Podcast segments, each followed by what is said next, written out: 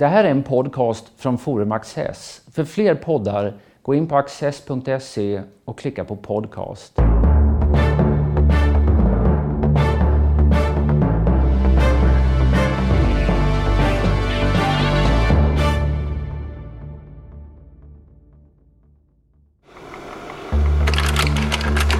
Thomas Bernhard blev kontroversiell i sitt hemland Österrike som han i dramer och romaner ihärdigt anklagar för att vara genomdrypt av katolicism och nazism. Typiskt för författaren är utdragna monologer av undantagsmänniskor som avskyr det mesta, framförallt föräldrar, lärare och läkare. Rollfigurer som har hindrat dem från att vara autentiska och originella, fullt levande. Bernhards gestalter dignar med hans egna ord under den fruktansvärda bördan av såväl sin egen inre värld som omvärlden. Djupast tränger han i en självbiografisk romansvit som startar med Orsaken, en antydan och avslutas med ett barn. Richard Schwartz, journalist och författare sedan länge bosatt i Wien, samtalar med Peter Luttersson. Om Thomas Bernhard var drabbad av att ha en dödssynd, vilken skulle det vara? Oj. Ehm, Ja, som författare så ligger det väl nära till hans... Som person vet jag inget om honom egentligen utan jag känner honom genom hans skrifter. Ja, eh, jag också huvudsakligen. Eh, Som författare så ligger väl högmod eh, nära till hans men, men eh, det är jag inte så säker på. Eh, Möjligen... eh, Högmod var det jag tänkte på. Men varför ligger det nära till hands? Alla författare är högmodiga. Men särskilt Thomas Bernhard. Det är själva grundförutsättningen. Ja, jag vet inte. Vrede är väl en av, också en, en av... Ja, vrede är en dödssynd. Det, det, Kanske snarare vrede än, än högmod. Det finns ett kallt, eh, kallhamrat eh, vredesmod i, i det han skriver. Han är Men om man, om man tänker på högmod, bara för att ta det först. Jag eh, går gärna över till vrede också. Men, men högmodet så är det mycket det där att verkligheten räcker aldrig riktigt till. Den är hela tiden otillräcklig. Och den här undantagsmänniskan som pratar monomant och ja, på ett sätt ganska monotont också i hans eh, romaner. ehm, är ju på något sätt höjd över det där som aldrig vill bli tillräckligt bra. Ja, men det finns... Eh, jag för, tror mig förstå hur du menar, men jag tror att, eh, att det finns en annan dimension hos Bernhard som förtar högmodet och det är hans, hans humor och hans ironi. De här monomana personerna som du eh, eh, hänvisar till, de, de är ju också löjeväckande. Och de, eh, alla nästan misslyckas ju också. Så att det är en, en, eh, om det är något högmod i detta så är det ett högmod som ställs i, i, i ett löjets tecken eller ljus. Jag högmod bygger ju i så fall på att den här personen som talar på ett eller annat sätt ska identifieras med Thomas Bernhard själv. Eh, när, han, eh, när han har kommenterat sina verk så har han ju gärna sagt att de ska ses som, eh, som teater, som iscensättningar och eh, allting är förkonstlat eller allting är konst. så. Eh, och då kan man ju inte så att säga, tillskriva honom högmodet. Men den här gestalten är på något sätt högmodig. Och jag, tror, jag har fått för mig i alla fall att en del som gillar Thomas Bernhard gillar Thomas Bernhard för att man trivs med det där högmodet. Att eh, vilja uppfatta verkligheten som tarvlig och att man själv är en lite udda figur som eh, skiljer sig ifrån den eller höjer sig ut- över den. Jag har svårt att se det. Jag ser de här eh, monomana figurerna som, eh, ja, om de ska förknippas med Bernhard personligen som i egenskap av författare eller, eller som, som, han, eh, som hans person eller ej må vara osagt. Men jag tror att de oftare än man vill tro har eh, eh, förebilder i verkligheten. Alltså det handlar många gånger om personer som han har känt eller som han har träffat. Eh, han kom ju ofta i konflikt. Han blev stämd två gånger. Han blev kanske till och med stämd två gånger av personer som på goda grunder tror jag kände igen sig. Dels den här tonsättaren som kände igen sig ja. i skogshuggning och dels eh, Lampenberg, Lampenberger. Eller? Eh, en förlaga till någon eh, katolsk präst som är rektor på en skola i en av de där självbiografiska sviten. Ja. Så att, så att det här är nog mer verklighetsanknutet än vad man vill tro. Och om, ja, det är de här personernas högmod som jag tycker att han ironiserar och, och förlöjligar många gånger, måste väl också sägas. Och eh, som jag sa, det slutar ju nästan alltid i förstörelse, i undergång eller i nederlag. Så att det är ju inte någon hyllning till högmodet i sig utan snarare ett häcklande av det. Ja, här talar vi om två olika sorters högmod. Då. För det är klart att de här gestalterna är ju högmodiga i något sätt eftersom de vill eh, livets villkor för andra. Men eh, den som är drabbad av dem blir också högmodig genom att han ser ner på dem på det där sättet som ändå romanerna innebär. Tycker jag. Ja, jag är... Men om man går över till vrede. För det gäller ju också de här andra människorna. Om man tar några kategorier. Lärare och föräldrar och läkare och sådär. Det finns, där tycker jag, eh, det är där enklare att placera denna dödssynd Eh, Eh, kanske hos eh, Bernhard än hos, eh, än hos hans gestalter.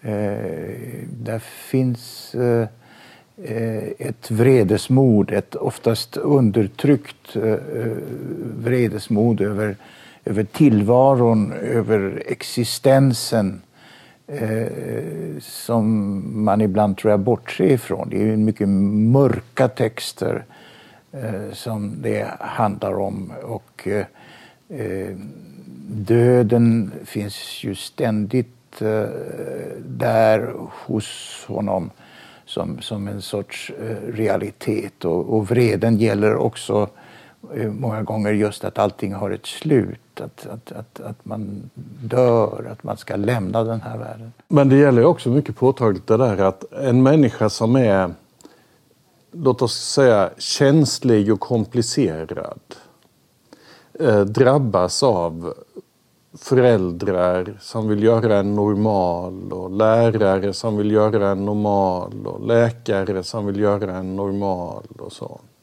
Och den brytningen finns ju och den här känsliga och komplicerade människan blir då vred på den som inte vill låta henne vara som hon är.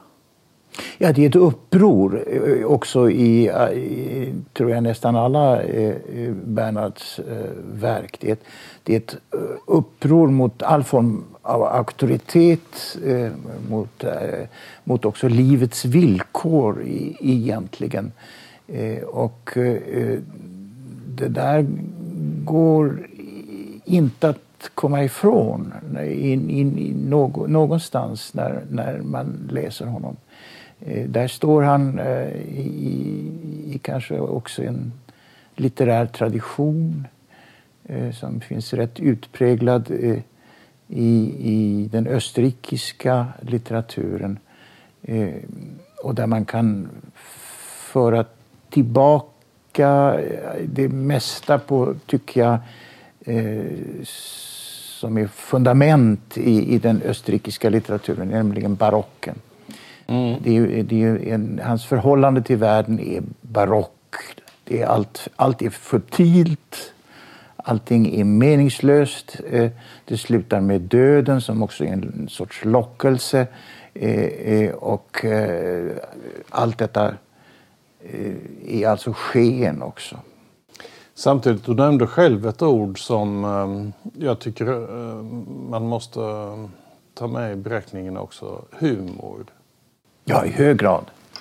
Eh, det, det, finns eh, eh, en... en också, också som det mesta hos Berna, det som inte är ostentativ yta, alltså barock, barockt egentligen, överdåd, är undertryckt eller finns där som en, en sorts, i en sorts skuggvärld. Men där finns hans humor. Han är ju enastående rolig och han är självironisk. Det finns till exempel, eh, för att bara ta ett exempel eh, på, på detta, eh, en lång passage i någon av hans böcker, jag vet inte vilken längre, där han monomant och besatt är ute efter de österrikiska, den österrikiska överklassens skor, deras skodon deras eh, handgjorda skor beställda hos eh, namngivna eh, skomakare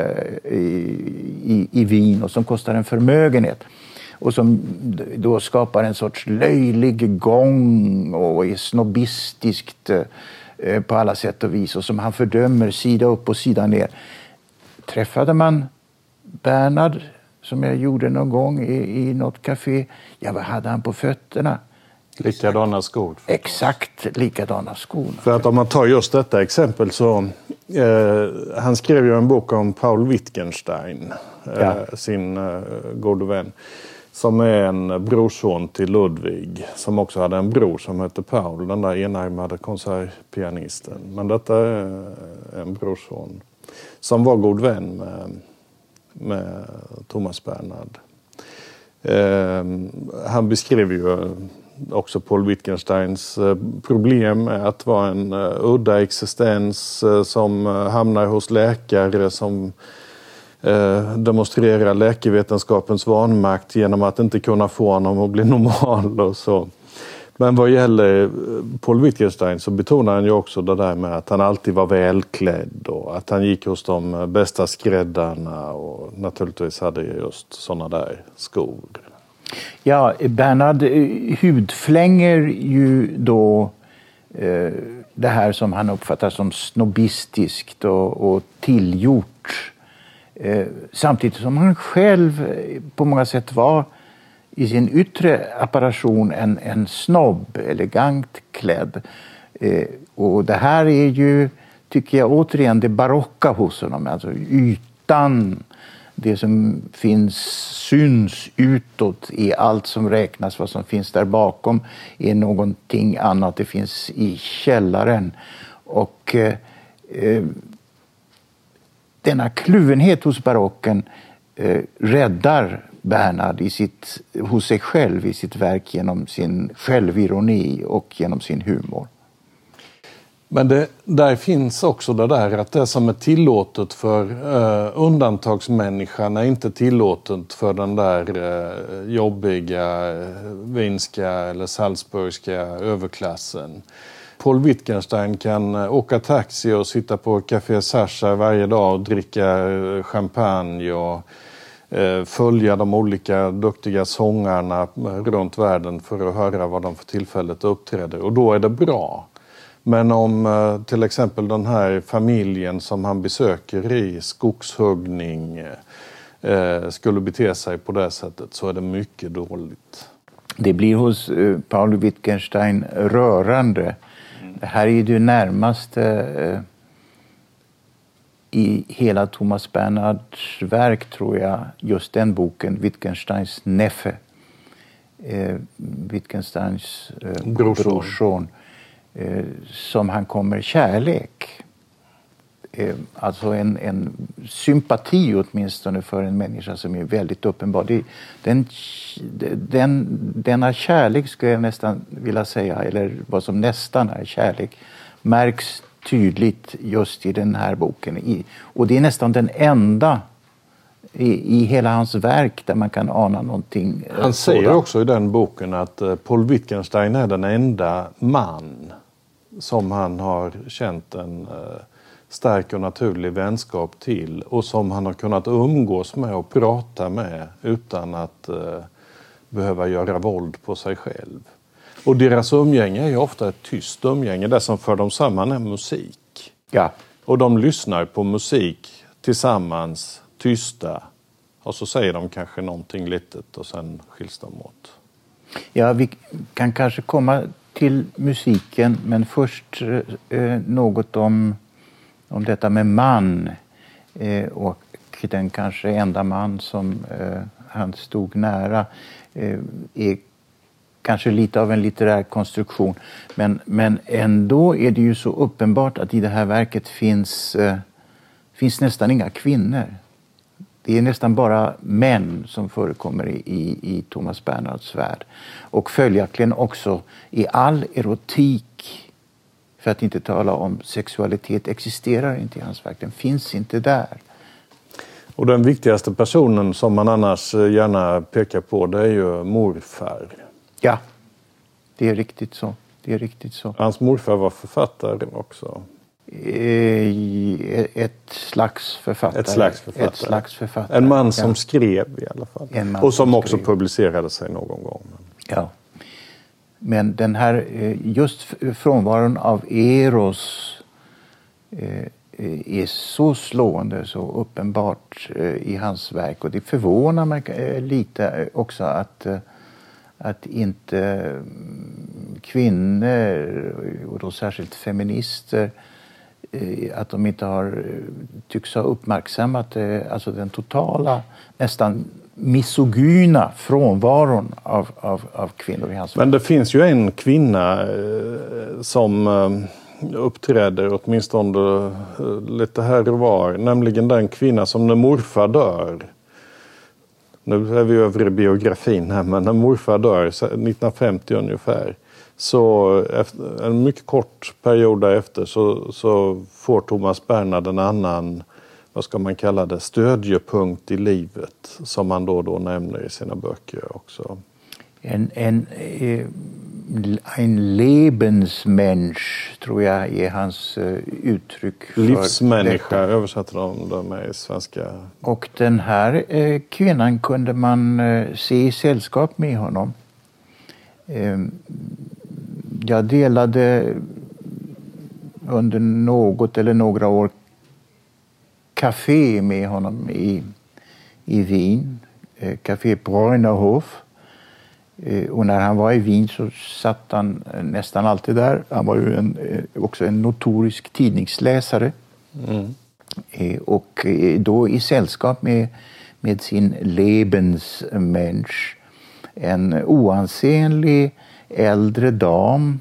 Nästan 40 år äldre än han själv. Ja. Och där eh, det märkvärdiga egentligen är, är, är att man har så svårt att föreställa sig eh, bandet eh, dem emellan.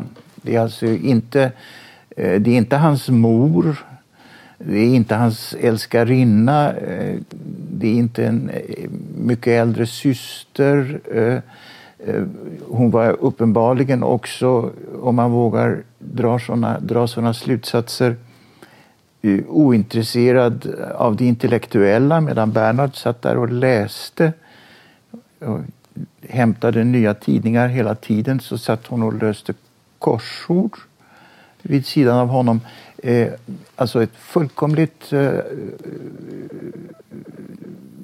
antiseptiskt nästan eh, förhållande.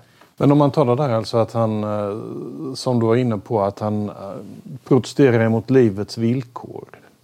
Eh, så behöver han någon som håller honom kvar i livet. Och det är morfar och det blir ju också hennes roll på något sätt. Och han säger ju också det i böckerna lite här och var att, eh, Eh, ja, att de fick honom att överleva, att de eh, fick honom att framhärda. Självmord är ju någonting som diskuteras ofta i böckerna. Ideligen, ja ideligen. Samtidigt som han hade ju också ett realistiskt eh, förhållande till, till döden. Eh, han eh, en författare som han uppskattade och som i sin tur uppskattade den unge Bernhard var Elias Canetti. Mm. Men Canetti gjorde Bernhard djupt besviken genom att så småningom upptäcka, Canetti alltså, att också han skulle dö som alla andra människor. Han hade accepterat att folk dog, men när det gick upp för honom i ganska hög ålder att också han skulle dö så uppfattade han det som en skandal. Och det tyckte Bernhard. Och ville göra någonting åt det. Och, Och vi... kunde skriva sånt där som “Jag har ännu inte kunnat göra något åt döden”. Till exempel, ja. Och detta, detta var fullkomligt o, utan ironi för att eh, någon humor hade Elias Canetti inte, med all respekt. Eh, och det här var för, för, för Bernhard eh, fullkomligt eh, osannolikt och oacceptabelt. Därför att han levde ju genom sin sjukdom, med sin, han hade ju stora problem med sina lungor och som också tog livet av honom i, i, i förtid. Eh, döden hade han för ögonen och visste var en realitet som man inte kommer undan. Ja, Redan som ung så Redan som tillbringade han ju långa perioder på sanatorium och läste mycket där och blev eh, så att säga bekant med världslitteraturen egentligen i sanatoriemiljö. Ja. Ehm, Men eh, om man tar... Det, det gavs ut en postum bok som heter Mina priser. Ja. Där Bernhard berättar lite om att um, omständigheterna kring eh, att han har fått olika priser. Framförallt går det ju ut på att vara elak emot den litterära världen och kulturvärlden. Då säger med Canetti en relation, men annars så är det ju väldigt mycket det där att han vill inte ha med kulturvärlden att göra. Det enda pris som man säger sig uppskatta det är det han får av Näringslivskammaren. För vid prisutdelningen där var det inga representanter för kultur eller litteraturvärlden och då var det hyggliga människor som man kunde prata vanligt med. Han, han tyck, tyckte ju alltid om att väcka förargelse. Han var ju en provokatör, det ska man ju heller inte glömma. Och, och eh, en, en, eh, en eh, samhällskritiker.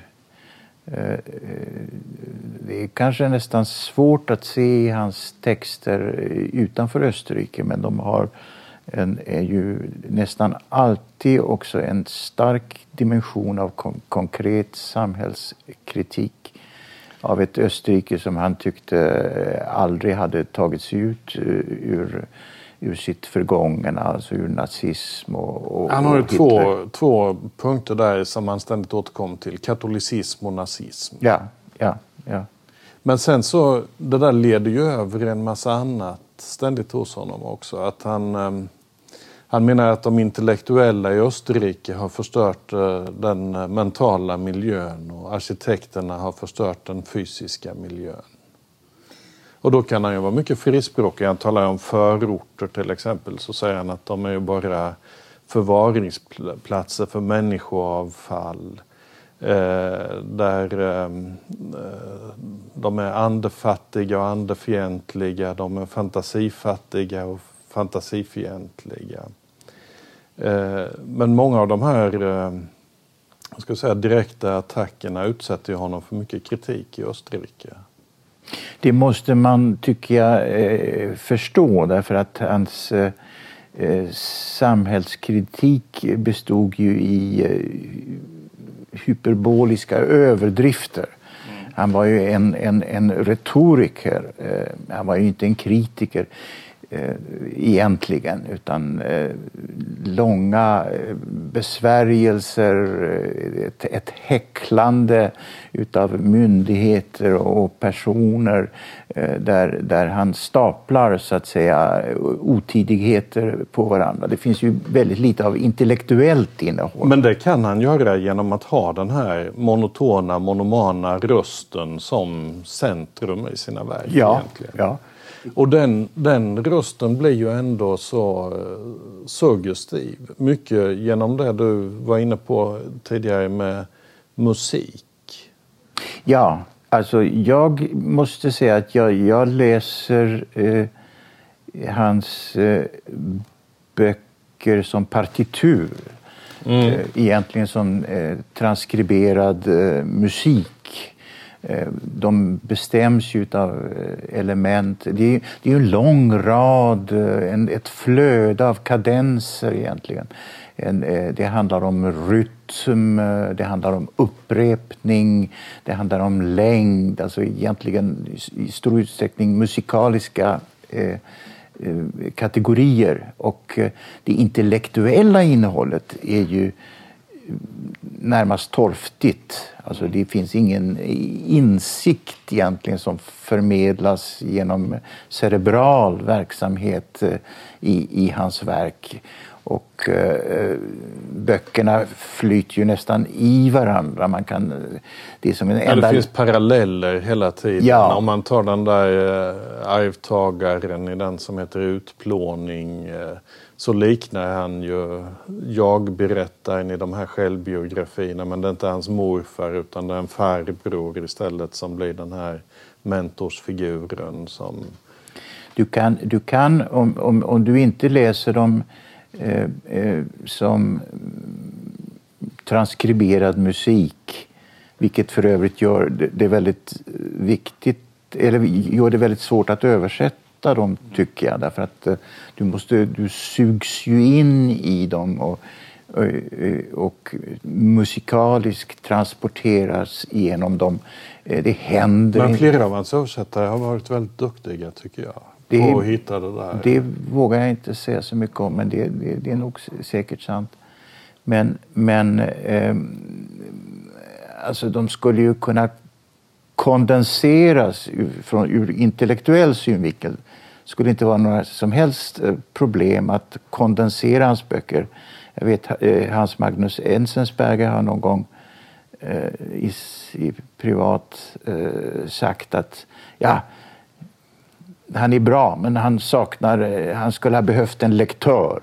Alltså någon som, som skar bort och, och, och, slängde ut. Och då hade allt gått förlorat? Och då hade allt gått förlorat. Så ja. på sätt och vis har Hans Magnus fel. Självfallet har han fel. Därför att eh, det går inte men, men mm, att, att göra helt enkelt. Eh, men, men samtidigt så kan man inte säga jaha, men vad är den stora insikten här?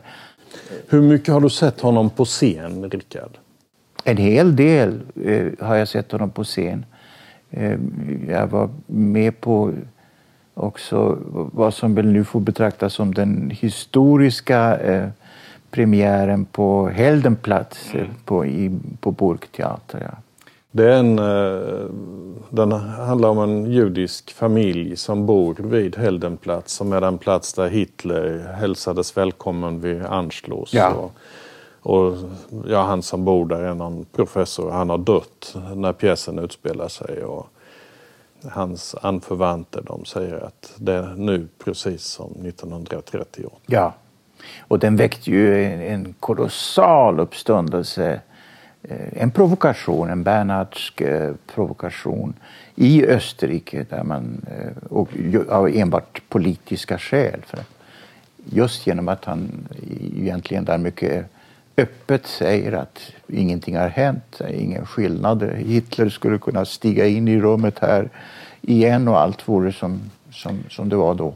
Och det styrs fortfarande av samma människor som är inskränkta, ondskefulla, klåpare. Ja. På ett sätt dumheten som det största samhällsproblemet.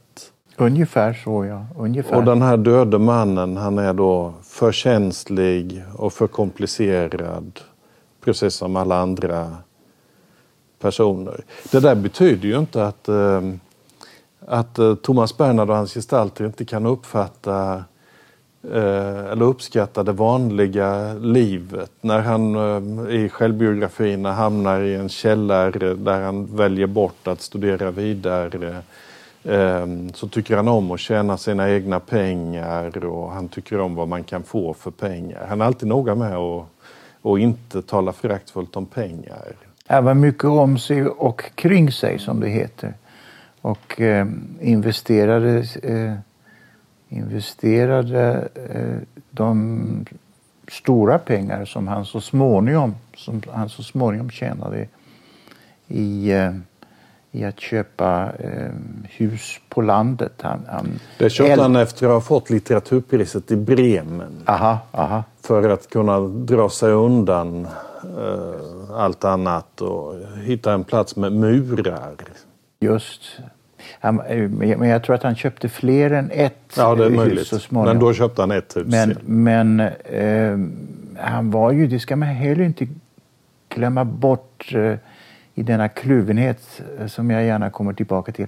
Han, eh, samtidigt som han häcklade och på sätt och vis också hatade eh, ett Österrike så älskade han ett annat Österrike. Och då oftast just det här eh, rurala, eh, alltså det lantliga eh, Österrike, olika landskap och så vidare som han var djupt, djupt fäst i. Han var mycket österrikisk också i sina, i sina traditioner, i sin naturförbundenhet. Om vi nu inte hade varit så talföra så hade vi då kunnat tala om hans tidiga böcker som vi inte har sagt så mycket om. Där han ändå är ganska negativ till det rurala Österrike. Ja, men det är hans, det är hans eh, Eh, det är återigen hans eh, ironi. Det finns ju ingenting ytligt som han tycker om. Det, finns, det finns, sägs ju aldrig någonting positivt om någonting överhuvudtaget. Utan man får i, i, i kontrapunkten eh, hitta, hit, hitta det som han, han tycker om. Men det finns där. Ja, ibland kan jag tänka på den här kitslighetsfejden mellan eh, Heidenstam och Strindberg. När Heidenstam skriver till Strindberg att du börjar med att klaga på samhället men det slutar med att du klagar på biffar och foreller och allt för gredelina biljardbollar. Ja, det är sant. Tackar.